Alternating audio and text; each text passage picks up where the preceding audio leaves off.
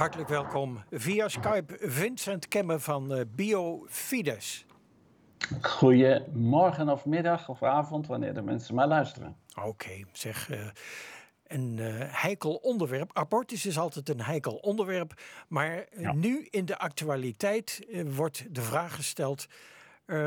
zouden we mannen niet eens meer inspraak geven bij abortus? Nou, het, ja. Dat heeft te maken met uh, Jordi Meervan, uh, Meerman. Die uh, heeft dat aangekaart. Hij vindt dat vaders te weinig in te brengen hebben bij de keuze voor of tegen abortus. Want zijn ex-vriendin liet tot zijn verdriet hun ongeboren kind weghalen. Ja. Nou, ik ben heel benieuwd hoe jij hier tegenaan kijkt.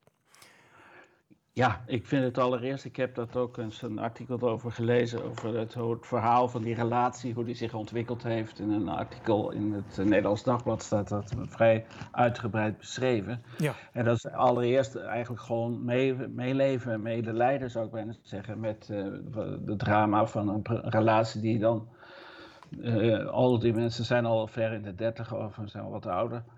We hebben allebei een kinderwens. We hebben eerst een hele fijne eh, relatie. Mm maar over trouwen niet gesproken, maar gewoon wel over het eventueel kinderen hebben. En dan willen ze graag dat dat een kind is van een partner die, waar ze echt vertrouwen in hebben. Zo. Nou, uiteindelijk tijdens die zwangerschap opeens gooit zij het roer om en wil ze opeens toch van dat kind af. Terwijl ze al twee keer een echo hebben bekeken samen en genoten hebben van het kloppend hartje.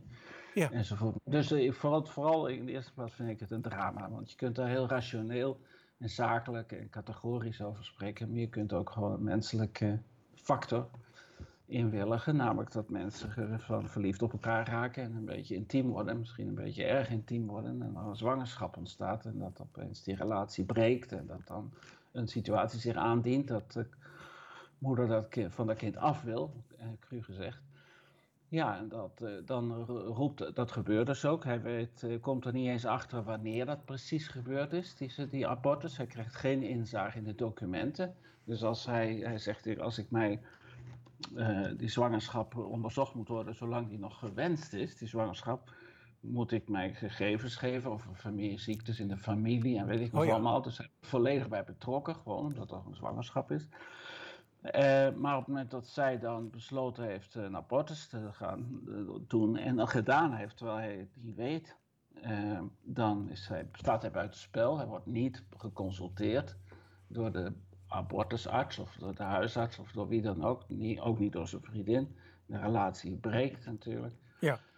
Drie, gewoon, gewoon triest en droevig, om, om vele redenen. Relationeel en, en, en om, dus dat is wat ik het eerste van wil zeggen, dat het gewoon verdrietig is hoe zoiets kan gaan. Hij heeft natuurlijk een punt. Ik vind dat hij een punt heeft. Dus, uh, er is, ik, maak, ik vind het belangrijk altijd om het verschil te maken, onderscheid te maken tussen de moraal, zeg maar, aan de ene kant, en de wet aan de andere kant. Dus ja, want volgens de wet heeft hij uh, niks te vertellen, hè?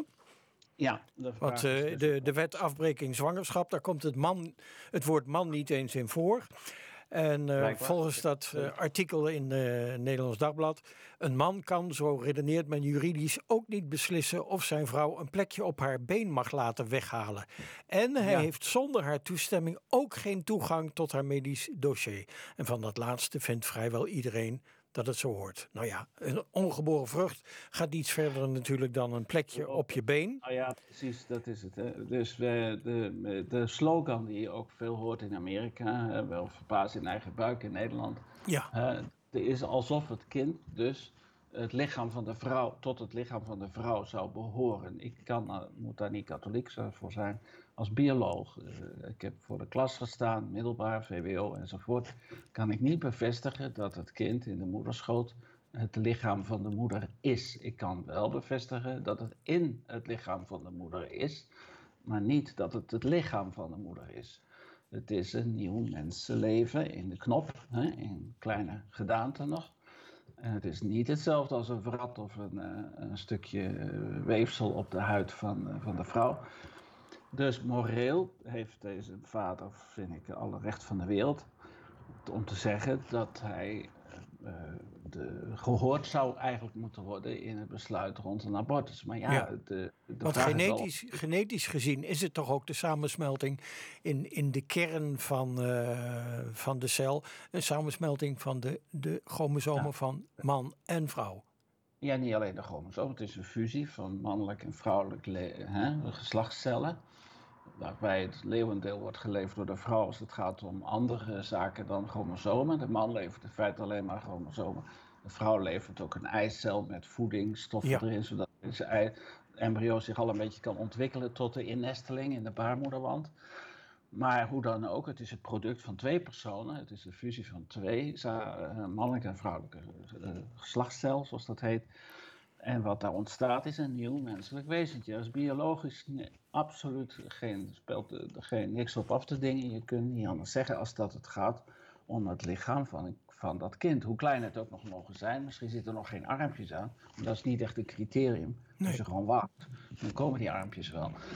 En, uh, dus dat, dat is uh, heel droevig. Wat natuurlijk ook droevig is, dat is, moet de man zich natuurlijk ook aantrekken. En zij ook, namelijk een ongewenste zwangerschap. Een onvoorzichtigheid in de omgang met, uh, met de seksualiteit. Want het is nogal een verantwoordelijkheid natuurlijk, een kind verwekken. Maar mensen, wij leven nu ook in een cultuur waar zeg maar, de seksualiteit beleven één onderwerp is. En een kind op de wereld zetten een geheel ander onderwerp. Hè? Ja. En stop dat met de pil om een kind te krijgen, bijvoorbeeld. In een, mm in een... Maar dat is natuurlijk uh, zowel eh, biologisch als religieus niet verdedigbaar. Als jij puur biologisch gezien als man en vrouw lichamelijk samenkomen en een kind verwekken ja, dan is dat hun gezamenlijke verantwoordelijkheid. En dan is dat een mens die ze hè, mee tot stand brengen.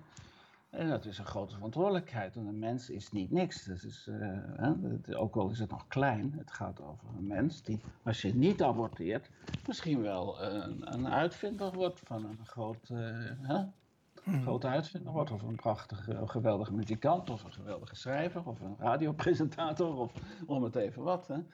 Dus het uh, triestig is natuurlijk dat. Uh, kijk, deze twee hebben dus gewoon een amoureuze relatie gehad. En zelfs een kinderwens, blijkbaar. Maar het is natuurlijk heel fragiel. Zij blijkt ook heel erg aan gemoedswisselingen onderhevig te zijn geweest. En dan, in een en dan opeens tot een abortus hebben gekozen. Dus dat is alleen maar de, de, de, de, tragiek, zeg maar, vinden, denk ik, van een wat uh, los, losbandige seksualiteit in onze cultuur. Ik heb die mensen ga ik niet uh, viseren, om het zo te zeggen, op zijn vlam. Mhm. Maar, want die, ze leven in een cultuur en uh, ja, ze hebben ook zoiets van ja, ik, ik wil een kind, weet je wel. Maar wij als gelovigen kijk je, plaats je als man en vrouw je in het scheppingsplan van God. En dan word je medewerker van, van de schepper. Hè? Door participeren in de scheppingskracht van God die in de natuur gelegd is. Terwijl de cultuur vandaag een cultuur is zonder God. En waarbij mensen voor zichzelf besluiten, wil ik wel of geen kind. En als het bijna alsof het een hebben dingetje is, of het gaat alleen maar over mijn comfort. Ik wil graag een kind, of ik wil geen kind, wat de reden ook is en wat de conclusie ook is. Maar men, men, situeert het leven en ook daarmee de seksualiteit en de vruchtbaarheid als iets van ja, kopen, gaan we, naar, gaan we wel of niet naar Turkije op vakantie? Gaan we wel of niet dit of huis kopen? Kopen we een, een, een Citroën of een Peugeot? Weet je wel, wij beslissen over ons leven en dat ook de beslissing over het hebben van kinderen of niet. Dat is helemaal ons ding. Zo, zoals we over koelkasten en wasmachines beslissen. Sorry dat ik een beetje. Hè, ja, ja, ja. Nee, ik, ik, begrijp je. Typisch een vorm van. En zo redeneren zij ook als ik dat artikel lees. Ja, en dan neemt zij dus een beslissing om dat kind weg te laten halen. Nou ja, ik zal de luisteraar niet verbazen dat ik vind dat je een, een, abortus in feite gewoon nooit moet doen. Er is één situatie denkbaar. Als er bijvoorbeeld een vruchtje buiten de baarmoeder zich ontwikkelt, in de, in de buikwand van de moeder is uh, het kind niet te redden.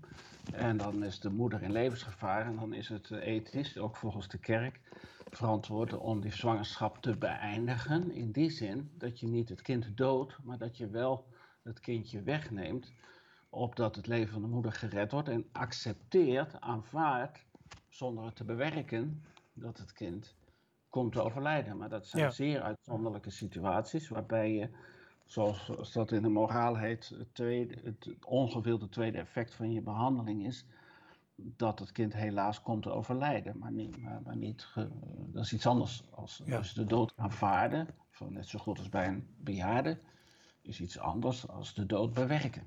Oké, nou in, in die, uh, die wet um, afbreking zwangerschap, daar wordt uh, zorgvuldigheid, hè? dat is heel belangrijk. Um, dat de vrouw die het voornemen heeft tot afbreking van zwangerschap en zich met een daartoe strekkend verzoek, ik citeer nu, tot de arts heeft gewend, wordt bijgestaan in het bijzonder door het verstrekken van verantwoorde voorlichting over andere oplossingen van haar noodsituatie dan het afbreken van de zwangerschap. Ja. ja.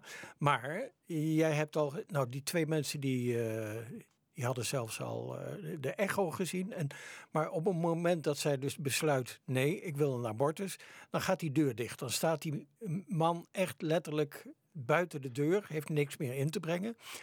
Maar ja, die zorgvuldigheid, hè, die toetsing waarom het inderdaad een noodsituatie is.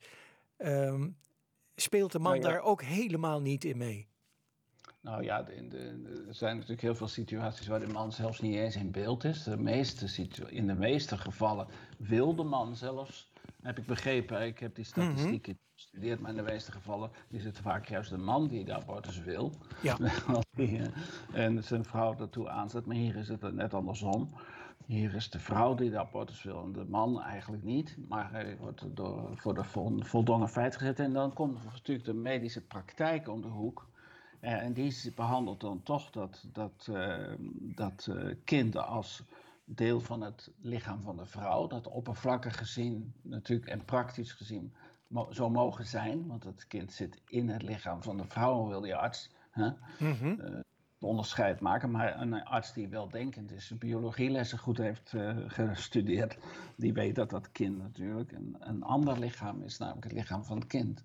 Maar goed, dus ik je begrijpt wel dat. Uh, dat de vrouw ook medisch uh, beroepsgeheim, dat, er, dat er situaties zijn dat in beginsel, ik, ik ben geen jurist, maar ik zou me kunnen voorstellen dat als met een eenvoudige handtekening, dat man en vrouw, bijvoorbeeld als ze getrouwd zijn al helemaal, hè, dat ze gewoon uh, vrije inzage hebben in elkaars medisch dossier. Als bijvoorbeeld ik denk aan de dag dat mijn vader op sterven lag en ik met mijn moeder moest besluiten of een bepaalde behandeling nog eventueel zin zou hebben of niet met de arts. En wij moesten voor hem besluiten, want hij kon niet meer besluiten ja, dan hebben wij inzage gekregen zonder zijn toestemming in het medisch dossier van mijn vader. Ja. Uh, dat was in 1994, dat is lang geleden. Maar ik wil maar zeggen, in een, in een situatie waar kun je dat uh, oplossen, denk ik. Dus, maar omdat het natuurlijk heel vaak in zaken abortus gaat om uh, problematische relaties ook. Hè? Mm -hmm. families, gezinssituaties of problematische relaties man-vrouw relaties, uh, en zeker in onze cultuur waar echtscheiding en, of scheiding überhaupt na samenwonen aan de orde van de dag is, kan ik me wel voorstellen dat om praktische reden men het uh, beslissingsrecht eenzijdig bij de vrouw legt. Omdat uh, ja, ja. Ja, de artsen hebben geen opsporingsinstrument te vinden. Ze zijn geen huwelijksbemiddelaars, dat is niet hun taak. Dan zitten daar twee ruziende mensen voor een, voor een arts, een gynaecoloog. Weet je wel? Ja. Dat is allemaal bijzonder ingewikkeld. En uh, het triestige is, vind ik, vooral dat door de legalisering van de abortus dit soort problemen ontstaan. Want als je nou gewoon zou, abortus zou verboden zijn, zoals ooit, vroeger, zeg ik niet dat, dat, dat zulke situaties nooit zullen voordoen, maar veel minder. Want nu, als het mag van de wetgeving, denken de mensen dat het ook oké is, moreel. Dus dan ga je een vloed van abortussen krijgen. En dan krijg je dus ook allerlei bijkomende problemen. Van uh, bijvoorbeeld dit probleem. Ja. Mensen die niet getrouwd zijn. En dan heeft die man heeft geen rechten inderdaad. En dat, terwijl moreel gezien hij een punt heeft. Oké, okay. kun je het uh, afronden Vincent? Daar was ik net mee bezig. Het is ook zijn punt, uh, zijn, zijn kind. Dus moreel heeft hij een punt. Maar het is, ik vind het een bijverschijnsel, typisch bijverschijnsel van onze cultuur waar huwelijk, seksualiteit, man-vrouw relatie, huwelijk en zo ligt allemaal los op straat qua principes. En de vruchtbaarheid dus ook. En ook het recht om het leven van een kind weg te beëindigen als zwangerschap ongewenst is of problemen zijn. Nou, het blijft toch dus vragen oproepen. Heel veel, roept, roept, heel veel problemen op die er niet zouden zijn als je geen abortus zou toestaan. Oké, en de politiek die gaat zich daar ook mee bezighouden. Uh, Want uh, Jordi Meerman heeft inderdaad contact gezocht met uh, politiek. En de SGP die, die gaat zich daarover buigen. Dus wordt ja. vervolgd. En ik dank jou heel hartelijk voor je commentaar. Graag gedaan. En dat was Biofides met Vincent Kemme.